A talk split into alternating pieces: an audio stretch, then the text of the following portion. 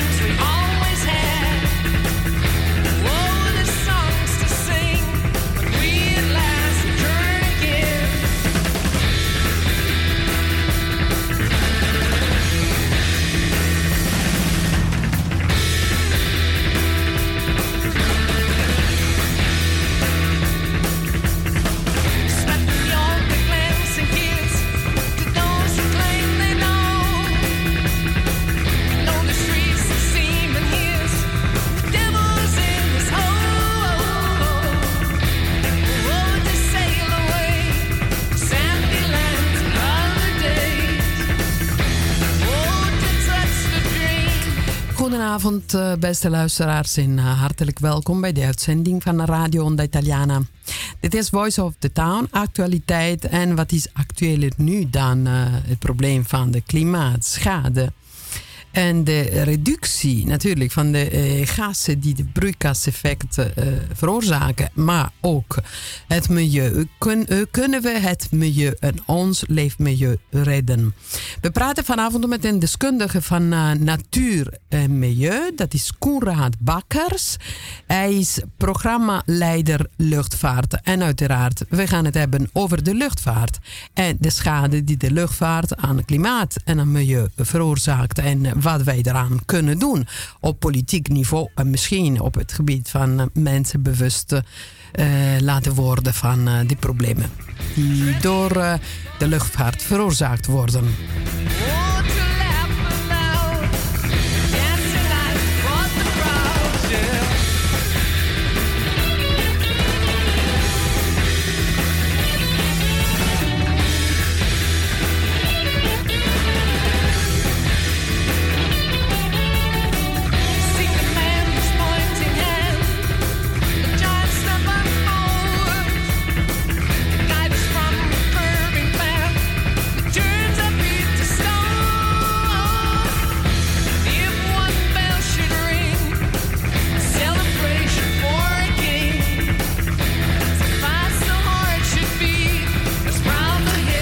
Ik heet Konrad Bakkers. Uh, van harte welkom.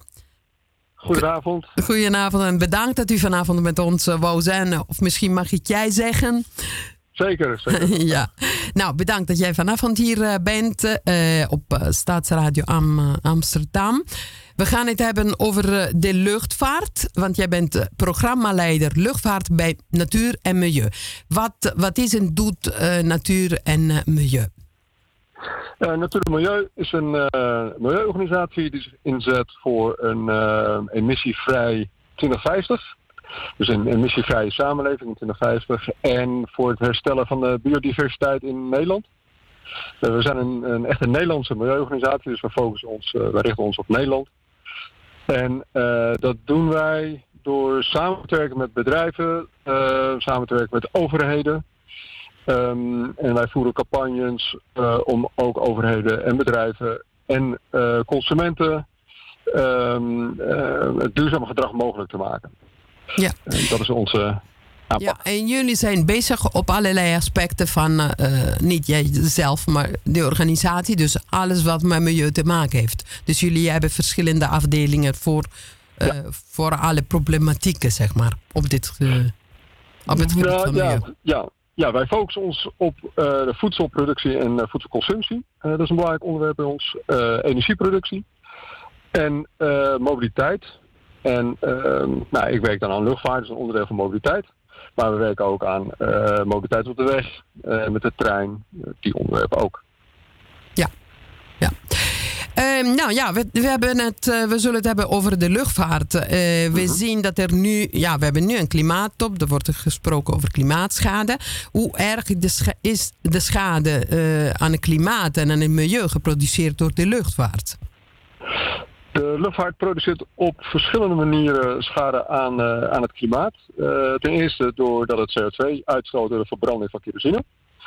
Um, maar een nog groter effect van de luchtvaart is de, de zogenaamde niet-CO2 klimaatemissies. Uh, dan moet je denken aan de uh, emissies die het veroorzaakt door het verbranden van uh, kerosine op hele grote hoogte, waardoor de chemische samenstelling van de atmosfeer verandert. En bijvoorbeeld wolkenvorming ontstaat, maar ook ozon en, en andere chemische stoffen zich in de atmosfeer ontstaan.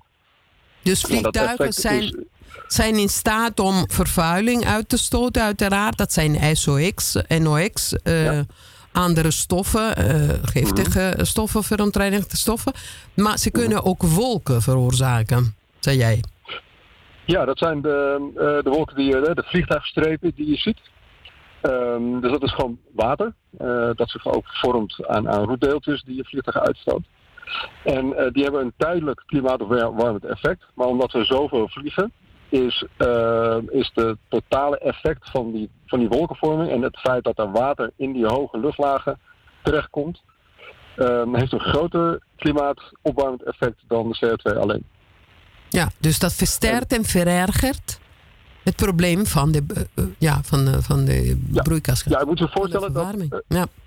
Precies. In, de luchtvaart heeft ongeveer een 6% uh, aandeel in uh, de CO2-uitstoot van Nederland. Maar als je dit effect weer optelt, is het ongeveer 15% Dus dat scheelt 15 procent zelfs? Ja, dus dat is luchtvaart heel is verantwoordelijk voor 15... Ja, zeker, zeker. En dat wordt al heel lang onderschat, de, de, het aandeel van luchtvaart. Um, maar dat is zeker aanzienlijk. Ja, ja, want uh, ik weet dat de Europese Commissie daarmee bezig was om uh, die, ja, die effecten naast die CO2-productie ook uh, de wolkenvorming. probleem door de luchtvaart. En de Europese Commissie is hiermee bezig. Maar dit komt eigenlijk nog niet door in de publiciteit en in de media en in de debatten. We realiseren, de maatschappij realiseert zich niet van hoe ernstig het is om ja, even vliegtuig pakken voor een weekje Mallorca of zo? Ja, het, het wordt, het wordt uh, vaak gebagatelliseerd. Dat ben ik met u eens. En um, de Europese Commissie heeft heel veel onderzoek gedaan. Uh, ook naar het niet-CO2-effect. Um, maar het is heel lastig om dat te vermijden. Hè. Een vliegtuig kan um, bepaalde uh, atmosferische omstandigheden kan het omzeilen. Maar dat betekent dat hij weer meer brandstof gaat verbranden. Om dat te kunnen doen. Hè, want dan moet hij gewoon omvliegen. Dus dat uiteindelijk scheelt dat niet veel. Dus het is heel moeilijk om wel te vliegen en toch de emissies te verlagen. Um, en er is nu net een heel pakket uh, door de Europese Commissie opgesteld. Uh, naar aanleiding van de Green Deal, hè, de Fit for 55 pakket zoals dat wordt genoemd. En daar zit luchtvaart ook in. Um, en daar wordt verregaand uh, beleid voorgesteld. En dat zal volgend jaar door de Europese lidstaten moeten worden aangenomen of niet. Dus dat wordt heel spannend. Ja, ja. Um, ja, het is natuurlijk uh, frappant dat aan die ene kant dan wordt gedacht aan ja, hele uh, dringende maatregelen, uh, zware maatregelen. Uh, om het klimaat te redden. Maar uh, ja, over de luchtvaart wordt zo, uh, zo licht over gedaan. En het, het, is een groot probleem, ook in combinatie met de kwestie van de duurzame mobiliteit. We hebben dus tot 1000 kilometer, als je met de trein rijdt, een normale trein. Je hoeft niet zo hard te rijden, maar gewoon een normale trein. Dan kan je in principe concurrerend zijn met, met vliegtuig. Maar waarom zijn treinen zoveel krankzinnig duurder? Dan vliegen. En waarom zijn er zo weinig uh, goede verbindingen? Want vroeger, ik kan me herinneren van vroeger had je rechtstreekse treinen naar de meest belangrijkste Europese steden in Europa. En nu zijn die verbindingen. Dus het, is niet zo, die lijnen zijn er wel, die treinen zijn er wel, maar ze stoppen bij de grens. En dus zij zorgen dat als je naar Wenen wil gaan en gewoon met de nachttrein, misschien is het nu weer geïntroduceerd, geloof ik, Wenen, maar het is gewoon afgeschaft. En mijn idee is dat het afgeschaft is omdat het concurrerend was ten opzichte van die, van die vluchten. Van die, ja, voornamelijk die goedkope lijnen. Is het zo? Of, uh... Nou, dat, dat denk ik niet. Ik denk dat. Uh, er zijn twee, uh, twee aspecten aan uw vraag. Eén is: vliegen is gewoon ontzettend goedkoop. Trein is niet zozeer heel duur, maar vliegen is veel te goedkoop. En dat komt omdat vliegen al al, al sinds 1942 vrijgesteld is van belasting. Omdat wij uh, toen de tijd vonden dat luchtvaartvliegen um, volkeren verbindt. En dus moet het vooral gestimuleerd worden. Dat was toen denk ik een heel goed idee. Ondertussen hebben wij andere problemen, zoals klimaat. En um, is het toch wel heel raar dat we op basis van een verdrag uit 1942 nog steeds luchtvaart vrijstellen van B2 naar accijns. Um, dus dat is een hele belangrijke reden waarom uh, de trein uh, uh, vaak duurder is, vooral op die lange afstanden, dan vliegen. Um, daarnaast is het ook wel perceptie dat trein vaak heel veel duurder is. Um, want er, er, zijn, er wordt gestund met vliegtuigprijzen of met vliegprijzen, maar vaak zijn het, gaat het maar om een paar tickets. en de rest betaalt gewoon een veel hogere prijs. En dan is het al vaak best wel concurrerend met, met de trein. Um, maar dat neemt niet weg dat inderdaad de internationale verbindingen van de trein, uh, vooral over de wat langere afstanden, zoals 1000 kilometer, uh, zeker niet goed zijn. En dat komt omdat het spoor vooral de focus heeft op het binnenlands vervoer. Zo in Nederland worden enorm veel mensen per spoor vervoerd binnen Nederland. Maar zodra het de grens overgaat, dan krijg je te maken met internationale afspraken en dan neemt het vervoersaantal heel snel af. En is het eigenlijk voor de uh, spoorvervoerder niet meer zo interessant. Dus er is gewoon geen prioriteit uh, bij de spoormaatschappijen, maar ook in de politiek, uh, voor dat internationale spoor. En wij werken daar al heel lang aan en het is heel complex en het wordt heel complex gemaakt. maar dat wordt maar heel langzaam, begint dat door te dringen dat die trein een belangrijk alternatief voor vliegen is. Veel schoner. Um, uh, maar dan heb je al heel snel te maken met drie of vier lidstaten van de EU die dan een corridor uh, uh, ja, daar prioriteiten moeten geven. Ja, maar we hebben de Europese Unie. Ik bedoel, ze vergaderen constant, ze bepalen alles wat, wat ons ja. beleid betreft. En dit is zo wezenlijk iets. Gewoon mobiliteit in Europa. 500, 600 kilometer. Zelfs ja. naar Duitsland is het moeilijk om gewoon goede verbindingen te hebben. Je, je wordt gedwongen om te vliegen. En zelfs als, als, je, zoek, als je zoekt op internet, wat, het eerste wat je krijgt, dat zijn niet de treinen. Er wordt meteen gesuggereerd, ga maar vliegen.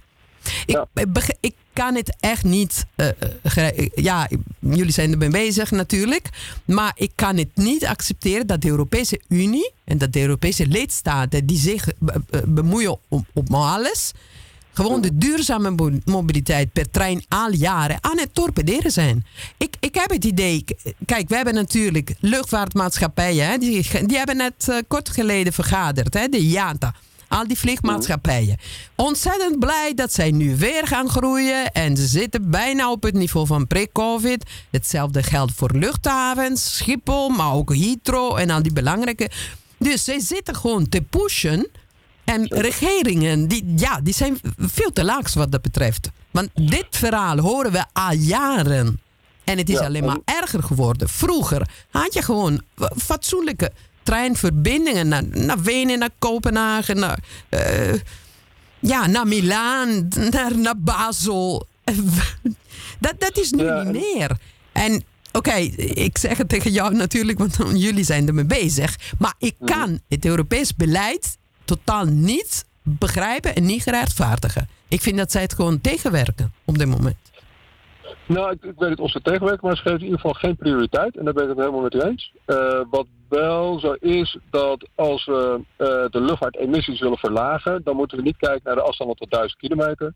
Maar dan moeten we gaan kijken naar de afstanden vanaf ongeveer 4 tot 5000 kilometer. Want daar zijn de grote emissies.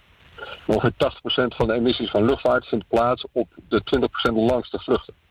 En dan moet je denken over een vlucht vanaf uh, 4.000, 5.000 kilometer.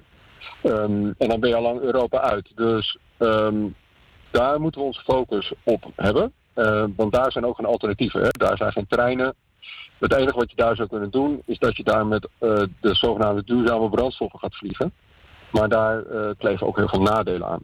En dat is en ook echt een verhaal van de toekomst. Hè? Ik, ik, bedoel, ik heb genoeg ja, workshops gevolgd en je vraagt steeds, ja, mhm. wat is. Ja, elektrisch vliegen, dat, dat, mm, dat, dat, zal wel. Ik zeg, dat zal wel. Ik, ik heb een andere vraag. Uh, je zegt mhm. ja, de, de, lange afstanden, maar we hebben nu te maken over het, het grootste van het luchtverkeer. Uh, dat is echt, uh, ja, dat zijn die korte vluchten binnen Europa en die vakantievluchten en de goedkope vluchten. Uh, ik geloof dat het dat een, ja, 75% is en de rest is 25%. Als wij die korte vluchten uh, zouden reduceren door het gebruik van de trein, ja, dan heb je veel minder vliegtuigen. Want ja, je woont in, uh, niet in Amsterdam. Ik woon in Amsterdam. En je hebt echt om de twee minuten, daar gaat een vliegtuig. Dan zie je iets vliegen. Het is nou, enorm veel. Ik woon in Kastrikum en daar komen de vliegtuigen binnen hè, vanaf de zee. Ja. Uh, dus wij krijgen ze ook uh, over ons heen. Maar het klopt, uh, op, tot ongeveer 700 kilometer, daar, ehm, dat, zijn de, dat, dat, zijn de grootste aantallen vluchten. Hè. We vliegen ongeveer 56 keer per dag ah. naar Londen heen en weer. Dat is enorm. Um, dat zijn, en daar hebben we gewoon een hele goede treinverbinding. En dat, die moet je vooral nemen. En gelukkig zijn er ook steeds meer bedrijven die dat gaan doen. Die zeggen jij, dat hun werknemers niet meer met vliegtuig naar Londen mogen en naar Parijs. Daar waar een goed alternatief is.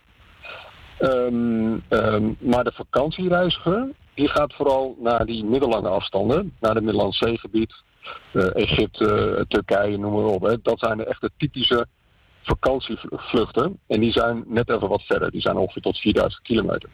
Ja. Um, en daar, dat zijn enorme aantallen. en dat daar, voor het geluidoverlast moet je vooral inderdaad ja, maar niet alleen geluid. Het is kerosine wordt, kerosine wordt uh, regelmatig geloosd. Want, ja. ja, dat heeft uh, Want ze moeten meer kerosine aan boord hebben dan ze nodig hebben. En, uh, het was gewoon geloosd. En in het Amsterdamse bos staat bekend dat je soms de kerosinelucht gewoon ruikt. Mm, ja, ja. En een andere vraag. We zien, ja, ik kijk heel vaak naar de hemel en uh, ja, je ziet enorm veel van die strepen. En soms lijkt mm. het uh, ja, heel gek, want ze gaan van alle richtingen naar alle richtingen. Op bepaalde dagen wel, op andere dagen niet.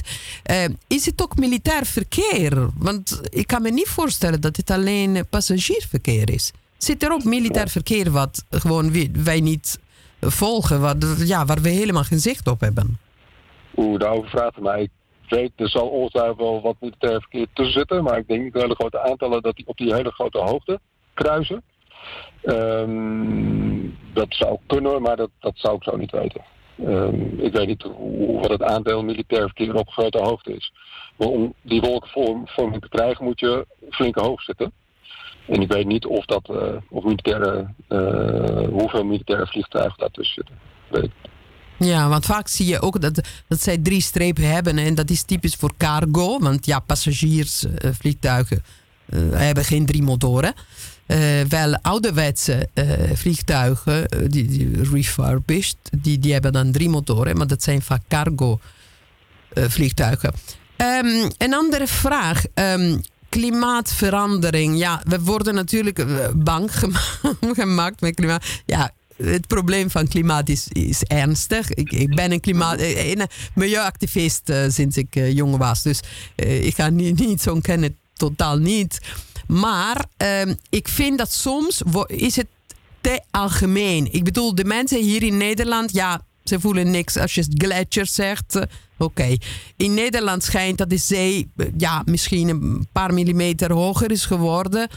We zijn sowieso bang voor de zee. We moeten altijd uh, ja, Nederland moet zich gewoon altijd verdedigen van het water. Soms vind ik dat klimaat, het probleem van klimaat, dat wordt te veel in apocalyptische termen geschilderd. Mensen kijken naar de film en ze zeggen: Oh ja, wat eng. Maar daarna worden ze niet gestimuleerd om concreet iets te doen. Bijvoorbeeld minder, minder vliegen, uh, gewoon uh, gaan fietsen en uh, ja, minder elektronische apparatuur weggooien, minder verspillen en al die ja, bekende milieugedrag wat je, wat je zou willen promoten. Maar is er niet. Er is te veel focus op die ellende. Er komt apocalyps en de mensen zeggen ja, eng, vervelend, ja, oké. En daarna gaan ze weer tot de orde van de dag. Waarom zijn we niet... Vroeger hadden wij een milieubeweging die zei...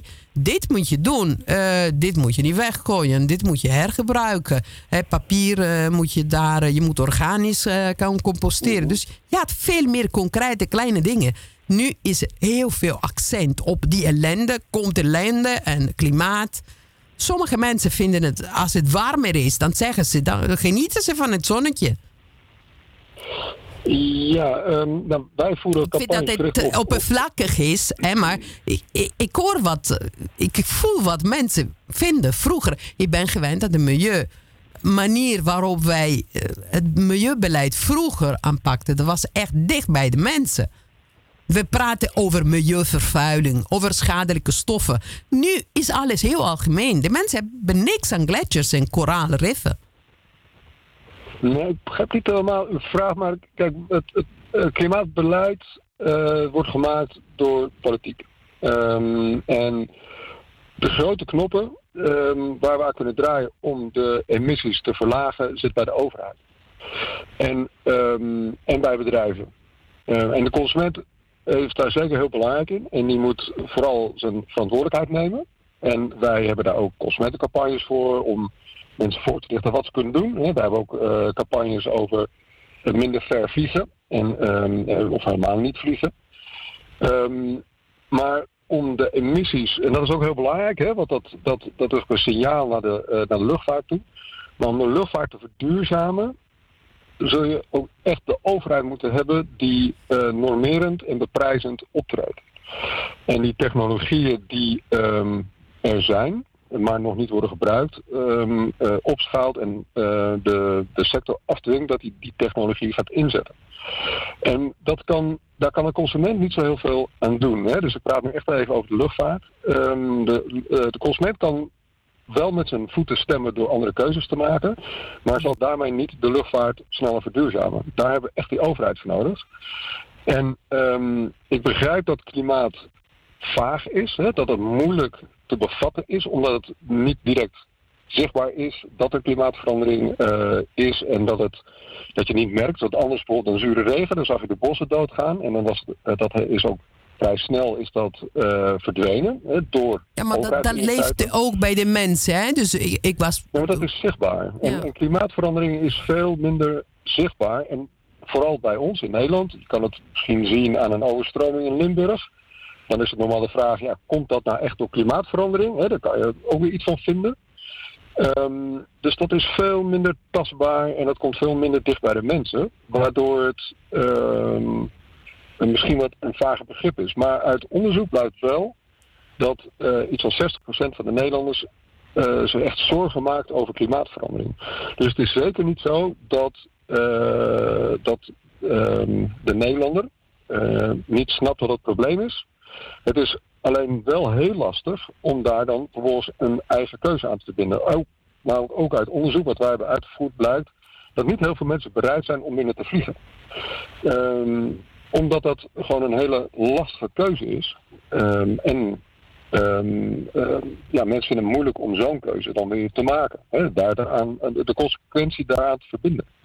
Dus mensen zijn wel bezorgd, maar verbinden dat niet aan eigen gedrag. En dat, daar zit uh, een, een, taak, denk ik, ook voor ons om daar uh, uh, iets mee te doen. Ja, maar ik bedoel, de overheid die kan van de ene dag op de andere iets verplichten of iets verbieden. We zien het ook met die lockdowns en met die verschrikkelijke maatregelen natuurlijk, die ontzettend veel geld en ellende veroorzaakt hebben. Nou, de overheid doet het gewoon zo. Het moet. Ik bedoel, als zij zeggen, je moet belasting betalen voor vliegen, voor accenten. En uh, tot een bepaald aantal kilometer, dan moet je gewoon de trein goedkoper maken. Klaar. Als de overheid, en dan niet de Nederlandse, maar de Europese overheden, dit zouden willen, dan zouden ze het kunnen. Maar ze willen het blijkbaar niet. Of ja, ze, zitten, ze zijn te veel afhankelijk van die grote lobby's. We hebben te maken met, met de grootste lobby's in de wereld. Ik bedoel, ja. Zeker. Maar het enige wat ik dan kan adviseren is, uh, ja, uh, stem dan op de partij die wel voor ingrijpen staat. Hè? Dus daar, dat kan je als, als burger doen. Uh, Welke partijen zijn dat? Kan je een advies geven wat dit betreft? Nou ja, er zijn natuurlijk partijen als GroenLinks en de Partij van de Dieren, maar ook partijen als ChristenUnie, daar die die hebben een bepaald luchtvaartbeleid. D66 die heeft specifieke punt op luchtvaartbeleid. Dus als je de partijprogramma's na uh, kijkt. Nou, D66 die, die verdedigt de. Die, ja, die gaan niet nou, ja, dat, dat, tegen Schiphol. Uh, maar dat is een iedere, ieder burger die kan daar zijn keuze in maken. En hmm. op die manier kan je, kan je invloed hebben op het overheidsbeleid. Ja, ja. Maar over het feit dat ja, de burgers willen het niet. De overheid, als de overheid iets wil, dan uh, doen ze dat. Hè? Ik bedoel, ik, ik, vind het een beetje een excuus om ja, te refereren naar de burgers. De burgers die heeft niks te willen. Als iets verplicht is, dat, dan moet hij dat doen. En dat doet hij dat. Uh, Nederlanders zijn ook... maar zo werkt het in de democratie. Dat de overheid wordt gestuurd door de politiek. Dus daar... ja, ja daar kan je op die manier toch wel invloed op uitoefenen. Ja, over die economie, hè, want uh, um, ja, je, je zegt ook uh, uh, ja, de belangen natuurlijk van de luchtvaart en van, van Schiphol, van de vlieghavens. Dus de economie botst tegen het belang voor een schoon milieu, voor ja, de, de klimaatschade, zeg maar, terugdraaien of in ieder geval tegen de klimaatschade werken. Mhm. Dus we hebben te maken met die economie. En als de economie een belang heeft bij vliegen, dan worden alle maatregelen tegengehouden. Ja, en dat daar. Um... En dat kunnen we niet veranderen. Ik bedoel, dan, dan stellen wij die economie, dan vinden we in principe, dan wordt die economie hoger geplaatst dan ja, het welzijn van de komende generaties. Ja, dat is. Dat maar dit, dit is niet ethisch. Dit is ook een ethische kwestie, hè?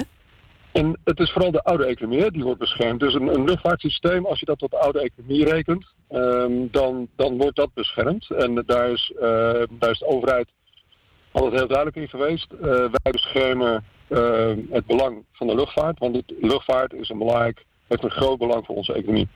Wat je wel ziet, is dat dat, dat beeld langzamerhand wel begint te kantelen. Dat de relatie tussen luchtvaart en economie al lang niet meer zo sterk was dan in de jaren 80. Toen de luchtvaart nog veel kleiner was dan nu, toen had het ook wel een, een rol te spelen. Maar nu is de luchtvaart zo groot dat meer vluchten uh, helemaal niks meer opleveren aan economische, eh, economische waarde. Dus zo langzamerhand begint uh, ook het besef door te dringen dat uh, de groene economie, zou maar zeggen. Hè, dus de technologieën en de, de, de, de sectoren die bezig zijn um, um, met groene mobiliteit bijvoorbeeld en met uh, hernieuwbare energie, dat dat veel grotere groeimotoren voor de economie zijn dan die oude economie, zoals uh, nou, zeggen, de olieraffinagerijen, de raffinaderijen en de vervuilende sectoren, omdat die steeds moeilijker krijgen om nog te gaan concurreren en te kunnen groeien. Dus je ziet wel dat er en ik denk dat het heel snel gaat, dat er een kanteling komt dat uh, het luchtvaartsysteem zoals we het nu kennen, dat alleen maar bestaat bij de glorie van groei, van groei om kosten laag te kunnen houden, dat dat zal gaan verdwijnen. Ja, je ziet een verandering, eh, want ja, jullie praten met beleidmakers, met politici. Zie je daar een verandering in? Een verbetering wat dat betreft. Want ik bedoel, ja, behalve de partijen die altijd meer voor milieu waren, maar van de kant van liberalen, dan was het altijd, ja, mm, ja wij moeten groeien. Ja, ja dus, uh, en dat, dat zie je nog steeds wel bij uh, Liberaal Nederland, dat, uh, dat economie voorop staat. Um, maar dat uh, zo langzamerhand is er ook wel een liberaal groen deel dat zegt ja, maar we moeten ook, we hebben ook een beschermende rol richting natuur en, en, en, klimaat. Dus ik denk dat daar zeker kantelingen zijn. Um, ook omdat zij zien dat dus die, die groene economie veel groter wordt dan die oude economie. Ja. Ja. En um, ik vond het heel mooi nu ook in, in Engeland, waar er hm. enorm veel banen uh, ontstaan um, in, de, in die, in die uh, hernieuwbare sector. En in Nederland zie je dat ook als je kijkt naar de, de installatie, hè, dus de mensen die werken aan het energienet, daar is een enorm banentekort, omdat er zo enorm veel werk op ze afkomt door al die windmolens en zonnepanelen en noem maar op. Ja. Ja. Hoewel op het gebied van zonnepanelen dan zou meer moeten gebeuren. Ik bedoel, in Amsterdam, we staan vol met uh, platte daken. En waarom gaat de gemeente niet uh, gewoon verplichten, zeker bij nieuwbouw, en overal waar enorme oppervlaktes zijn en uh, platte, platte daken, waarom gaan ze niet verplichten om, om zonnepanelen op te stellen? Ja, ik, ik denk. Nou ja, ik, daar kan ik niet zo heel veel. Ik, ik werk niet voor de overheid, dus daar kan ik niet zoveel over zeggen. Maar verplichten, dat is altijd wel een, uh, een hele grote stap. Hè? Uh, ik denk niet dat we een overheid willen hebben die ons van allerlei dingen gaat verplichten. Ja, maar ik bedoel, we, zien het de laatste tijd met die corona uh, dat er heel veel verplicht wordt of verboden. Dus de overheid, als ze willen, dan doen ze alles. En, zonnepanelen die zijn niet schadelijk. en ze, je zou ze ja, zo goedkoop mogelijk maken als je heel veel produceert. Je zou veel meer onderzoek kunnen doen naar betere vormen. Want nu hebben wij zonnepanelen die toch ja, elektronische onderdelen hebben. Of, ja, giftige stoffen of stoffen die je niet zo goed kan uh, recyclen. Maar je, kan, je zou onderzoek kunnen doen en een hele industrie kunnen opbouwen op dat gebied. En dit, dit gebeurt echt uh, weinig. Ja, ik, ik volg het beleid in Amsterdam en ja, het kan veel beter. Het kan veel beter. Ik, ik mis het erg. Maar goed, een andere vraag. Je gaat over duurzame mobiliteit. We zien nu een verschuiving. Er zijn in Amsterdam minder auto's, maar er zijn heel veel e-bikes. En e-bikes zijn niet duurzaam. En bovendien zijn ze ook eh, gevaarlijk in het verkeer, want zij rijden veel te hard. Het zijn alleen maar jonge mensen die daarop rijden, dus niet ouderen die een beetje moeite hebben met, met zo'n fiets. En die mensen die rijden vaak een paar kilometer. Eh, is dat echt zo, zo nodig om zoveel enorme explosie aan e-bikes in de stad te bevorderen? Ja, dat is niet zozeer mijn onderwerp. Ik ga me bezig met luchtvaart. Dus ik kan daar. Ja. Kan nee, dan laten we dat. Als je, nee, dat was gewoon een algemene opmerking. Ja, omdat we het hebben over duurzaam verkeer. En ik denk in de stad. Uh, ja, je gaat het ene probleem uh, oplossen met, uh, met een ander probleem. Want ja, e-bikes zijn elektronisch. En ja. Um, misschien is er iets wat je, wat je mee bezig bent met je beleid, wat je graag zo, uh, kwijt zou willen uh, vertellen onze luisteraars?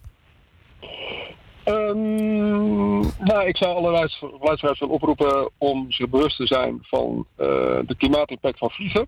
het is natuurlijk bijzonder leuk om ergens naartoe te gaan met het vliegtuig. Maar um, het heeft een hele grote impact. Dus wees daar vooral heel bewust van. En maak dan je eigen keuze. Ja. Dat zou ik mensen willen. En jullie maken ook publicaties? Heb je ook uh, ja, boeken of uh, een website waar je uh, dit soort informatie hebt? Zeker, wij doen, wij doen heel veel onderzoek en wij, wij, publiceren dat. En, um, en wij laten heel veel onderzoek doen naar de klimaateffecten van, van vliegen. En wij doen ook ehm, ehm, onderzoeken onder consumenten, wat ze van, van, van specifieke onderwerpen vinden. Ja, en dat, kan allemaal op jullie website? Kan men op je? Dat kan je allemaal bij ons op de website vinden, inderdaad. Ja, ja. En nog een laatste vraag en dan, dan laat ik je vrij. waarom doe je dat? Is het je werk? Is het je beroep? Of uh, heb je een speciale ja, binding met het thema? Of? Um, dit is mijn, mijn, mijn werk. Ik werk voor een organisatie. En uh, ja, ik, ik, ik wil graag met mijn werk impact hebben. En een positieve impact hebben. En um, uh, daar is het belangrijk om me in te zetten voor het verduurzamen uh, van, uh, van Nederland. Omdat ik denk dat als wij nu verduurzamen, dat we een, uiteindelijk een veel sterker land worden. En een veel prettiger land worden. En dat, ik vind het heel fijn om daar bij te dragen. Nou, ik wil, wil je bedanken. Bedankt aan Konrad Bakkers van Stichting Natuur en Milieu, programmaleider Luchtvaart. Bedankt dat je vanavond hier op ons programma wou zijn. Heel graag. Tot ziens. Bedankt. Jo, tot ziens. Dag. Dag.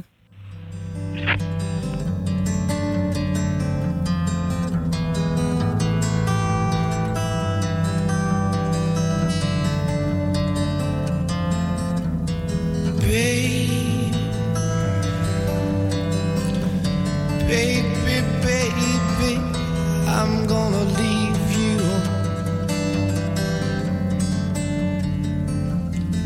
I said, baby,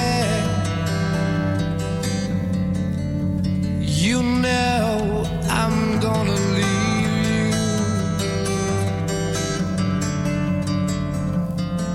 Uh, the summertime. Leave you when the summer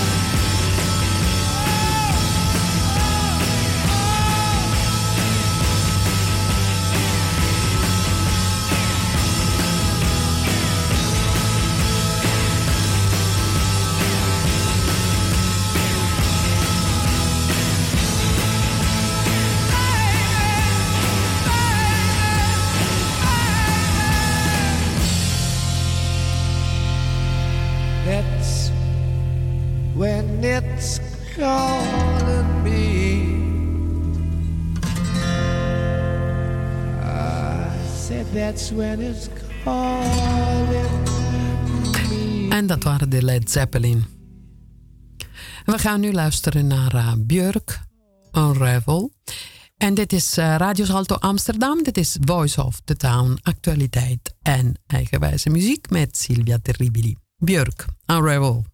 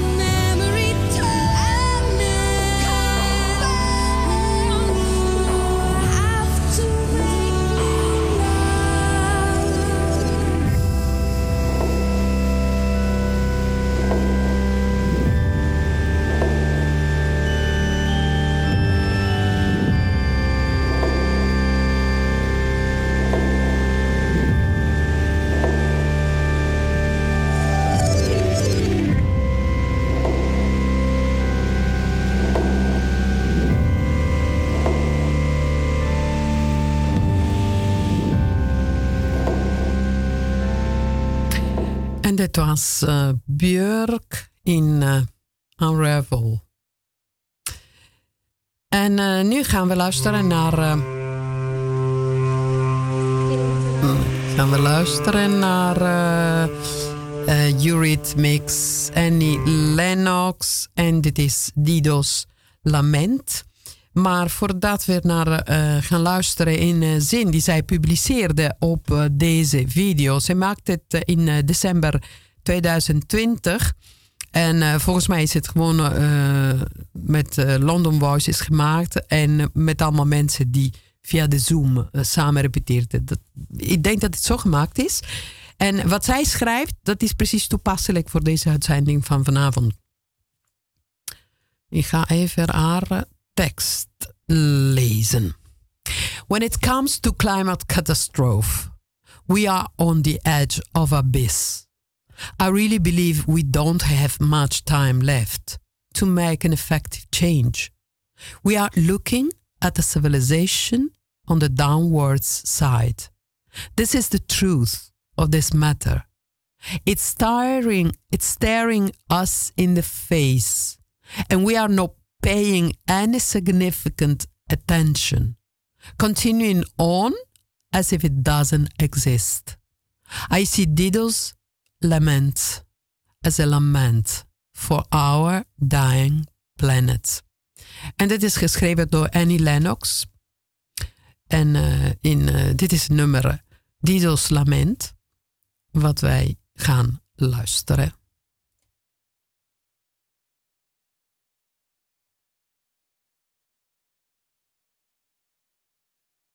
Komt eraan.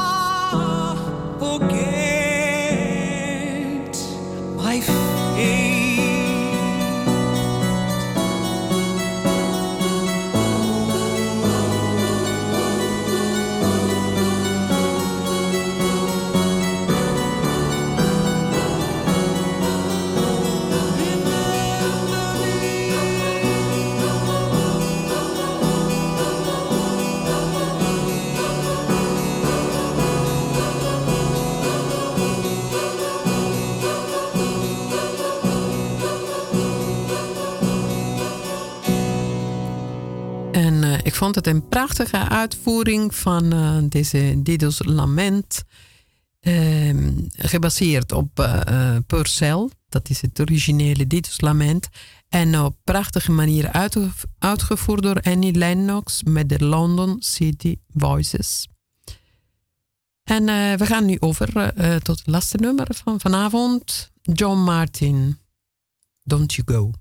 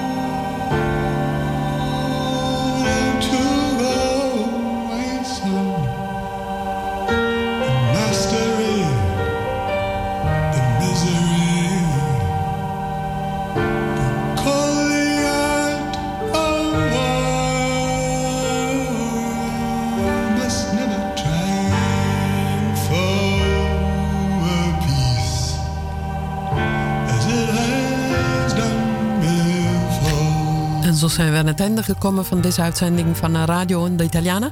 Dit was Voice of the Town. En uh, vanavond was het onderwerp luchtvaart.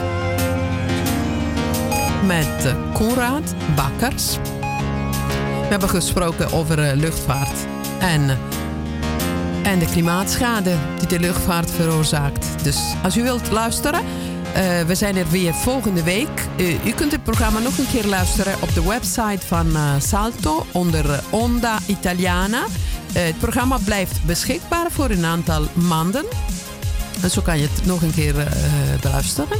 En ehm, ik wil iedereen van harte bedanken voor jullie aandacht. En ik zou zeggen, graag tot volgende week.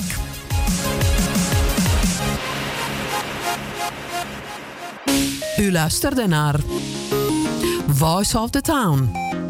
Actualiteit, informatie op Radio Salto Amsterdam.